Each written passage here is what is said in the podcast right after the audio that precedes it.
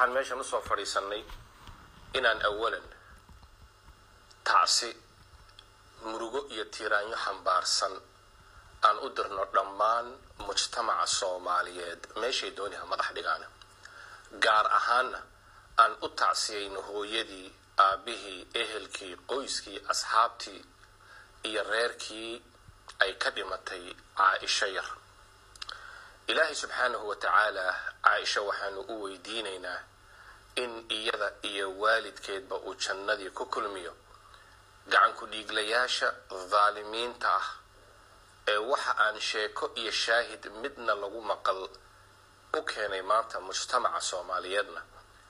Allaha raxmaanka ah annagoo magacyadiisa iyo naxariistiisa iyo sifaadkiisa ku baryayna waxaan ilaahay u weydiinaynaa in gacanta lagu soo dhigo ciqaabta ay mutaana adduun iyo aakhiro lagu mariyo waxaan walaalayaan leenahay.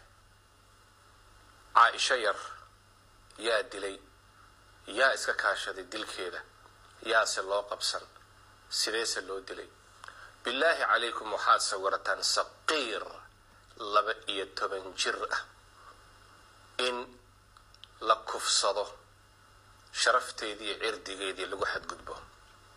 In dhagaxyo ilkaha looga garaaco laga soo daadiyo. In markii la helay isheedu mid ay bannaanka taalay. Waxaad ka fikirtaa xanuunka ay caaisho yar la noolay daqaa'iqii u dambeeyay nolosheeda. Markay nimankaa daalimiinta ah ay dhagaxa ilkaha u garaacayeen.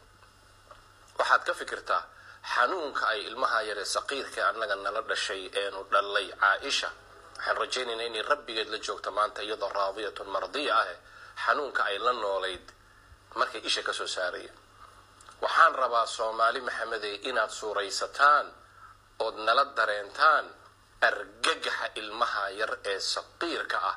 La soo gudboonaaday daqaa'iqii nolosheeda u dambeeysay nimankaa daalimiinta ah ee isa soo kaashaday iyo inta la ogee maanta qarinaysa markay dusha uga fadhiisteen.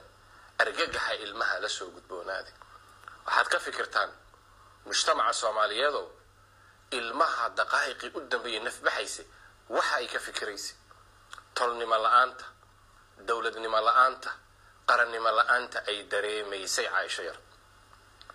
Waxaad ka fikirtaa ilmada ka qubanaysay dhawaaqa ka baxayay yaa ehel u ahaa markii la joogtay. Waxaan leenahay caaisha saddex qoraa iska kaashatay dilkeeda koox waa kooxda daalimada ee gacanta lahayd ee falka ceebtiisana adduunka la noolaan doonaan. Berri marka banka qiyaame la soo istaago maalinka la qatan yahay ee la qaawan yahay ee dollar iyo diinaar iyo dirham waxtaraya uusan jirin lowyar iyo garyaqaan iyo xerbeeg iyaga iyo rabbigood dhexdhexaadin karaana uusan jirin ee fagaaraha lagu ceebayn doono kooxdaasaa dilkeeda geysatay. Kooxda kale waxa weeye dadka nimankaa war ka haya ee ama ehel la noqon kara ama asxaab la noqon kara ee qarinaya maanta iyaguna kuwaasay dambiilayaal la yihiin oy la darajo yihiin. Kooxina waa kooxda aan rabo in aan diiradda dul saaro. Waxaan leenahay inta diidan midnimada soomaaliyeed inta diidan qarannimada soomaaliyeed inta diidan awoodda mujtamaca soomaaliyeed waxaad caaisho u diideen muruqii ka celin lahaa daalimiinta idinkaa hor istaagay. Inta qarannimada soomaaliyeed ka soo horjeeda ee ilaa maanta diidan ee cadowga u soo kaxaysata ama jamhuuriyaddii soomaaliyeed kala googoosanaysa waxaad ogaataan idinkaa sababay oo qayb ka ahaa caaisho in saa loola dhaqmo. Maxaa yeelay awooddii iyo dadkii iyo raggii wiilashii iyo gabdhihii iyo mujtamacii la dhalatay ee ilaalin lahaa ee gidaarka u ahaa idinkaa maanta oo dhan burburinaya inta u tafaxaydatay inaan qarannimo la helin. Ee mujtamaca soomaaliyeed la kala durjiyo la isku diro ula la isugu dhiibo xuduud beenaadyo la samaysto wiil iyo abtigii isku dira idinkaa caaisho u diiday dadkii u helin lahaa. Caaisha meel cidlaha kumaanay dhimateen. Caaisha qaran soomaali la yidhaah oo ehel u ah ayay la dhalatay. Inta maqaaxiyaha qabyaalada la taagan ee aroortii ilaa gabalku intuu dhacayo isku dirka ummadda soomaaliyeed meel walba la taagan guda iyo dibad. Ama qurba ha joogo ama dibadda ha joogo gudaha ha joogo. Intii naasoo dhan oon annagu ku wada jirno annagaa sababnay. Ilmaha yar dabayl iyo dhaxan tolnimo la'aana gacal la'aana ehel la'aana in nimankaa daalimiinta ee waraabayaasha ah ay meesha ku helaan. Intaasaa caa-isho dilka foosha xun ee loo geystay ee nafteeda iyo cirdigeeda iyo sharafteeda iyo amnigeedii ay u weyday intaasaa mas'uul ka ah. Maxaa yeelay ilaahay subxaana wa tacaala qur'aanka wuxuu nagu baray duruq ay ahwaashu raacaan sunnan kowni ah oo adduunkan wax walba ay maraan. Walowlaa dafacu llahi nnaasa bacdahum bibacd lafasadat ilardu bu ilahay subxaana wa tacaala yidhi. Haddaanay jirin gacan bir ah haddaanay jirin gacan bir ah oo kuwa dhaalimiinta masaakiinta ka qabata saasay ummaddu wada noqon. Adduunka o dhan fasahaad baa ka dhacaya waa duruq ilaahay subxaana wa tacaala inoo sheegay. Sidaa darteed annagaa hor istaagnay arrintaa intayada qabyaalada ka shaqaysa ee midnimada ummadda soomaaliyeed iyo qarannimadeeda iyo qadiyadeeda hortaagan intaasaa qayb ka ah caaisha yar waraabuhu inay meesha ku helaan. Waxaanu u diraynaa fariin maamulka meeshaa ka jira waxaanu leenahay mujtamaca soomaaliyeed waxay idaga sugayaan in caaisho yar cadaaladeedii ay hesho. Ma doonayno mana rabno inaanu maqallo lacagaa la kala qaatay iyo odayaal baa waxaa dhex galay. Arrin odayaal u taalla ma aha arrin mujtamaca soomaaliyeed u taalla weeye. Maalinka la soo qabto waxaanu idaga sugaynaa in iyadoo life aad qalbiga noogu qaboojisaan in cadaalada la mariyo meeshay caaisho yar mariyeenna dhammaantood la mariyo. Waxaan leeyahay qoyska ay caaisha ka dhalatay waxaa gabadhiina lagu xusuusan doonaa saqiir yar oo nafteedii lagu xadgudbay sharafteedii cirdigeediina lagu xadgudbay. Mujtamaca soomaaliyeed ay ka qaraacmeen ay la gilgisheen ilin ka qubanaysa mujtamaca soomaaliyeed. Yaa lagu xusuusan doonaa nimanka ilmaha saqiirka ee caaisho yar saa u galayna waxaanu leenahay adduunkana ceeb baydu la noolaan. Seexanna maysaan oo humaaga caaisha mar walba ida hortaagan oo ida daba taagan oo meel walba ida daba taagan maxaa yeelay waa wax la yaqaano ilaahay adduunka uu ku ciqaabo dadka daalimiinta. Ah godkaad la geli doontaan dhiigga caaisha. Sakaraadkaad la mari doontaan dhiigga caaisha.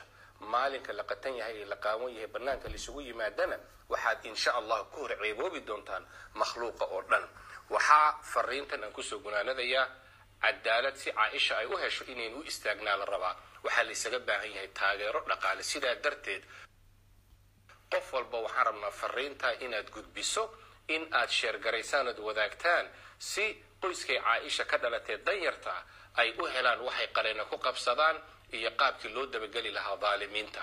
Haddii aadan ka qayb qaadanaynin lacagta iyo kharashka caaisha yar qadiyadeeda ku baxaya ha nagu oohin darsanin. Haddaad midnimo la'aan iyo qarannimo la'aan aad ka shaqaynayso ha nagu oohin darsanin. Waxaan rabnaa linkiga hoose inaad keligaraysaan ee la yidhaha go funme caaisha justicekeeda iyo cadaaladeeda lagu raadinayo dhammaanteenna aan u istaagno caaisha ilaahay subxaana wa tacaala waxaanu weydiisanaynaa inuu daalimiintaana soo qabto. Caaisho yarna uu daqiiqada aanu taagannahay. Ilaahay subxaana wa tacaala uu ka dhigo raadiyatan mardiya dembi ma aanay lahayn ilmo yaro saqiiro marfuucu lqalami ahayde inuu iyada iyo waalidkeed ilaahay jannatu lfirdowsi lacala isugu keeno. Wasalaamu calaykum waraxmat ullahi wabarakaatu markastoo isbeddel adduunka uu meel ka yimaado ama gobol ama deegaan ama qaarad ka dhasho isbedelkaasi saameyn badan buu yeeshaa oo positive iyo negative ama wanaag iyo xumaan labadaba wanaagyada yeelana waxa weyaan ciddii dulmaneyd ee shalay la dulmiyayey ama dhibaatada qabtay in ay wanaag ka faa-iidaan isbedelkaas oo dhibkii iyo rafaadkii iyo silicii ay ka badbaadaan. Waxa maxaa hada dib u dhaca ama negative xumaanta uu yeelan karo waxyaalaha isbedelkaasina waxa weeyaan in dadkii shalay dadka dhibayay ama maaragtay taariikhda xuman ku dhexayay aynan noqonin kuwo cadaalada maxaahada la mariyo oo wanaag uun laga raaco deedna qasadalayaal deegaankii ama meeshii isbedelku ka dhacay marka iyadaa ka sii wada. Waxaa kaloo ka mid ah dhibaatooyinka uu yeelan karo isbedelada ama ka dhashay isbedeladu markay dhacaan in isbedelku uu meesha ka dhacay ama goobtaas ka dhacay ama wadankaas ka dhacay ay uu yeelan waayo cudud ku filan oo mid xoog iyo mid siyaasadeed iyo mid dhaqaale ah oo uu ku xafido ama ku ilaaliyo nidaamkaas dhashay. Nidaamkuna markuu sidiisaba isbeddel yimaado wanaaga dadka iyo ummadda dan u ah laguma ilaaliyo keliyata cudud ee waxaa jirta fikir siyaasi oo wanaagsan oo bulshada qalbigooda iyo maskaxdooda qalbiga lagu hananayo iyo qalbigooda lagu hananayo in la keeno taas markay timaado waxay abuurtaa midnimo midnimadaasa marka xoog iyo wax kale la timaada.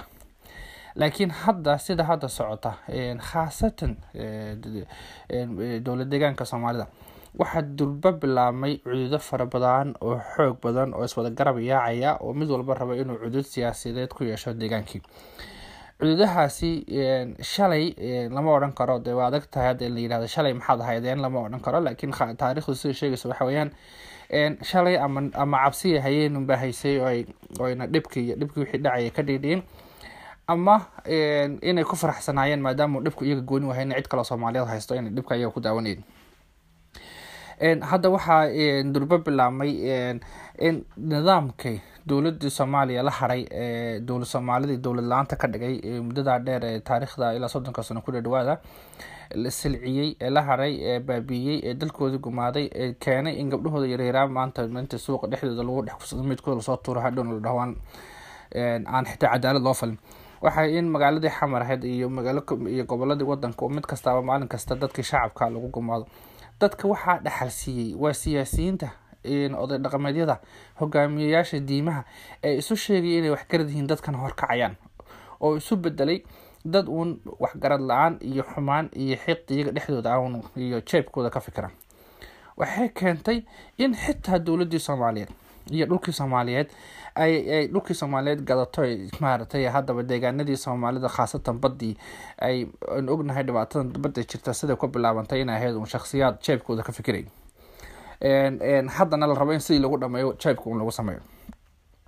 Hadda dabatiiba haddana siyaasada marka ka jirtay dowladda soomaaliya ee dhowrka soddonkii sana ugu dambeeyay waxay ahayd in qabiilo xoog badan iyo qabiilo yaryar la sameeyo laswad garab yaaco oo qabiil kastaaba ninka maaragtay ugu mishaarsan uu dhinaca u horgaaminayo ugu naxariista daran haba yaraatee wax wadanimo lahayn.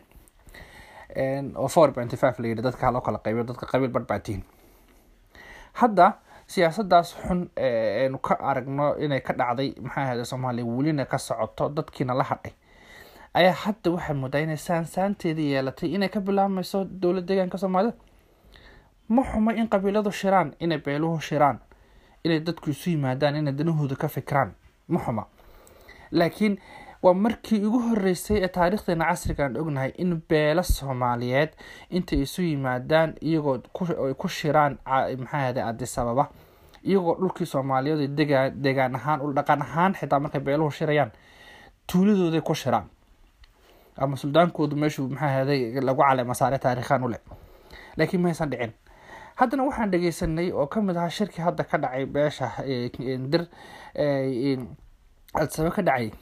Anumaba ogeyn ba in bool kagami uu dir ahaa iyo in madaxweyne mauritania xoreeye uu dir ahaa. Taariikhda dadka lagu khaldayana waxyaalahaasa ka mid ah. In shalay ko iyo sagaashankii inta magaalooyinka iyo tuulooyinkana la hor istaajiyo faraaxyo dadka loo dhiibay maxaa oo waxyaabaa la dhahaa ismaaciil jabarti soo dhaweeya dam dam dam dam oo dumarkuna durbaantumayeen. Haddana isla tii unbaa ka dhacday shalay adsaabo oo durbaaday tumayeen iyo maxaa ahday oramaanu dirnahay kolba ninkii xukunka fadhiyaan ree isku reernahay kolba qabiil soomaaliyeed u qaado. Waxaad mada marka dadkii soomaaliyeed in damiirkoodii iyo qabkoodii iyo isla uu ku saleysmay in cid kale la raaligeliyo ama nin kaloo keyrkii ah maaragtay uu sacabka u qaado sacabka u tumo. Uu maryaha u qaado. Dadkii marka waxaad noqonta waxa qabiilkii dhannaa ee soomaaliyeed ee sidaas shirka intaa leeg isugu yimid oo maal khaldan ku shiray. Haddana dadkii ka hadlay oo dhan badankoodii qaarkood intoodii badneed ay ahaayeen dad taariikhda khaldaya ama fariin kala diraya oo kala qaybina. Iyadoo deegaanadii soomaalida ahayd ay khatar ku jiraan oo maxaa ahaaday mooyaale ay khatar ku jirto durdhab ay khatar ku jirto iska badaa degmooyinka canfartu haysato. Taarikhyaha ka mid waxa weyaan waxyaalaha kale dadka soomaalida lagu khaldaan waxa weyaan ereyada kushitik iyo waxaan isku nahay iyo maaragtay ma qaraabo maaha iyana abtir kushitiku ay isku abtir yihiin. Ma jiro abtir gelaya oo ree hebel intay ka bilaabaan kushiti ku tegaya kushitiku waa siiqada luuqadu ay u dhacdo inta iyo dhaqan ahaan iyo waxyaalaha dadku ay wadaagaan ee inta badan darisnimadii iyo luuqada saddex galaysa adduunka ee maaragtay isu dhawaanshaha iyo istabamarka kala guurka iyo dhaqan waxyaalahaas ay keenaan bay ku timid inay isku maxaa haday ay noqdaan isku group. Laakiin macnaheedu ma aha in dadku isku abtir yihiin. Taas macnaheedu iyaduna ma aha in maarata dadkaas ay col yihiin oo lala colaatamo. Laakiin waxa weyaan waa in lagu wada dhaqmo nolol siman oo cadaalada oo adigana taada ad og tahay qabkaaga aad leedahay dhaqankaaga ilaashanaysa sharaftaada tiisuu ilaashanayo. Dena saa lagu wada dhaqmo. Laakiin inaan ma aha maalintuu kani kaa yaro xoog badan aad tirahdo aada isaga hoos dhigto hoos tagto. Shalay dadka toddobiyo labaatankii sana ugu dambeeyay deegaanka waxaa ka socday gumaad ay maxaa ahday tigreyga u geysteen gumaadkaas oo la documenti gareeyay human right watch ay diiwaangelisay amnesty international diiwaangelisay maxaa ahday ay documenti gareysay. Cadeymaha socday waxa inta shacabkii ay nabarkii muuqdo oo dhibaatadii taalo oo dogeedan shalay sheelasha la xirayay sida lagu sameeyay ood arki karta raadkii leeyihiin toddobiyo labaatankaa sano ummado soomaaliyeed baa la guuminaya hal qabiil oo soomaaliyeed oo ka shirayna ma jirin oo ka gubtay oo anagoo reer isugu nimid. Marka laga reebo dhowrkii sano maxaa sannadkii ugu dambeeyey oo beelo badan oo soomaaliya ka dhiidhiyeen ke keentayna ina maaragtay dhicitaankii uu soo ama burburkii daalimka uu soo dhawaado waxaa jirtay weliba khaasad iskata dadka dadkaas dhibkaa ka carara ee maxasta ee berimagedeeda ah in deegaanada laga soomaalida laga soo qaban jiro oo la soo dhiibi jiray. Taariikhdu ma aha hadda inaan si dadku uga hadlaan oo saasa lagu sameeyo qofka cuqdad iyo nidaam layihahdo cuqdadba ku jirta ma aha cuqdad in taarikhda la xuso. Ma aha cuqdad in shalay wixii dhacay dadka loo sheego.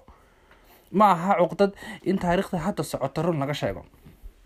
Ma aha cuqdad in ummadan soomaaliyeed ee kala qaybinayo ee korba beel loo shirinayo la yidhahdo war waxaan wax soconaya ma dadka soomaalida waa isku wada qabiil. Haddana deegaanay kala leeyihiin. Deegaanada la kala leeyahay waxay ku kala sugan yihiin wadcidu kala duwan. Waxay ku sugan yihiin duruufo kala duwan waxay ku sugan yihiin oy kala leeyihiin dana kala gaara iyo maslaxadeed mid walba juqraafi ahaan meesha ay degantay dan dan u ah. Isku macno ma noqonayso isku dan ma noqonayso reer hebelka maxaa ahaaday hadda gaarisa xaaladda ku sugan tahay iyo jijiga iyo kismaayo iyo jabuuti isku mid maaha mid walba duruuf gooniya leedahay. Laakiin walaaltinimada iyo isugurgaarka ka dhexeeya iyo in la isu gurmado laakiin haddii mid walba dhinacaas dhinaca kale looga soo taliyo way khaldamaysaa laguma dalinka gaaraysa arrinteeda jijiga laguma xalin karo sida aan loogu xalin karin maaragtay jabuuti loogu xalin jirin loogu xalin karin hargeysa. Isku duruuf maaha.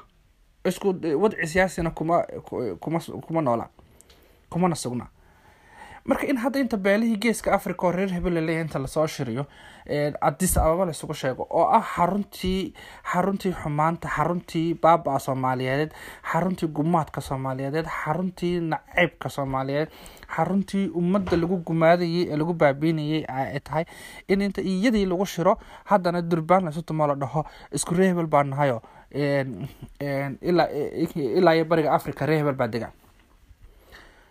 dhegeystayaal arrimaha taariikhda ah iyo dhacdooyinka dhacaya iyo ummadda soomaaliyeed danaheeda qof kastoo soomaaliya ayay maxaa ka saaran tahay waajib. Siyaasaduna sideedu way isbedeshaa maalinba waa duruuf. Laakiin hadda fursadaha la haystay soomaalinimada soo noolaatay ma aha in maaragtay muusiga qabiil inta loo ciyaaro lagu baabiyo dhegeystayaal aan taariikhda dib u raacno walaaltinimada iyo soomaalidu waxay ku haboon tahay markaad ogaato walaalkaaga kale dhibka uu qabo una qirto. Haddaadan xitaa aadan wax u qaban karaynin aada u danqato. Shalay haddaan laysu danqan oo aan shalay lasu oo aan shalay laysu gurmanin maanta maaha in fursadda ah ee dhalatay la lumiyo oo durbaano laysu tumo. Dhegeystayaal halkaad warbixinta kala socoteen waa idaacadda codka muwaadinka. Ah calaykum waraxmat ullaahi wabarakaatu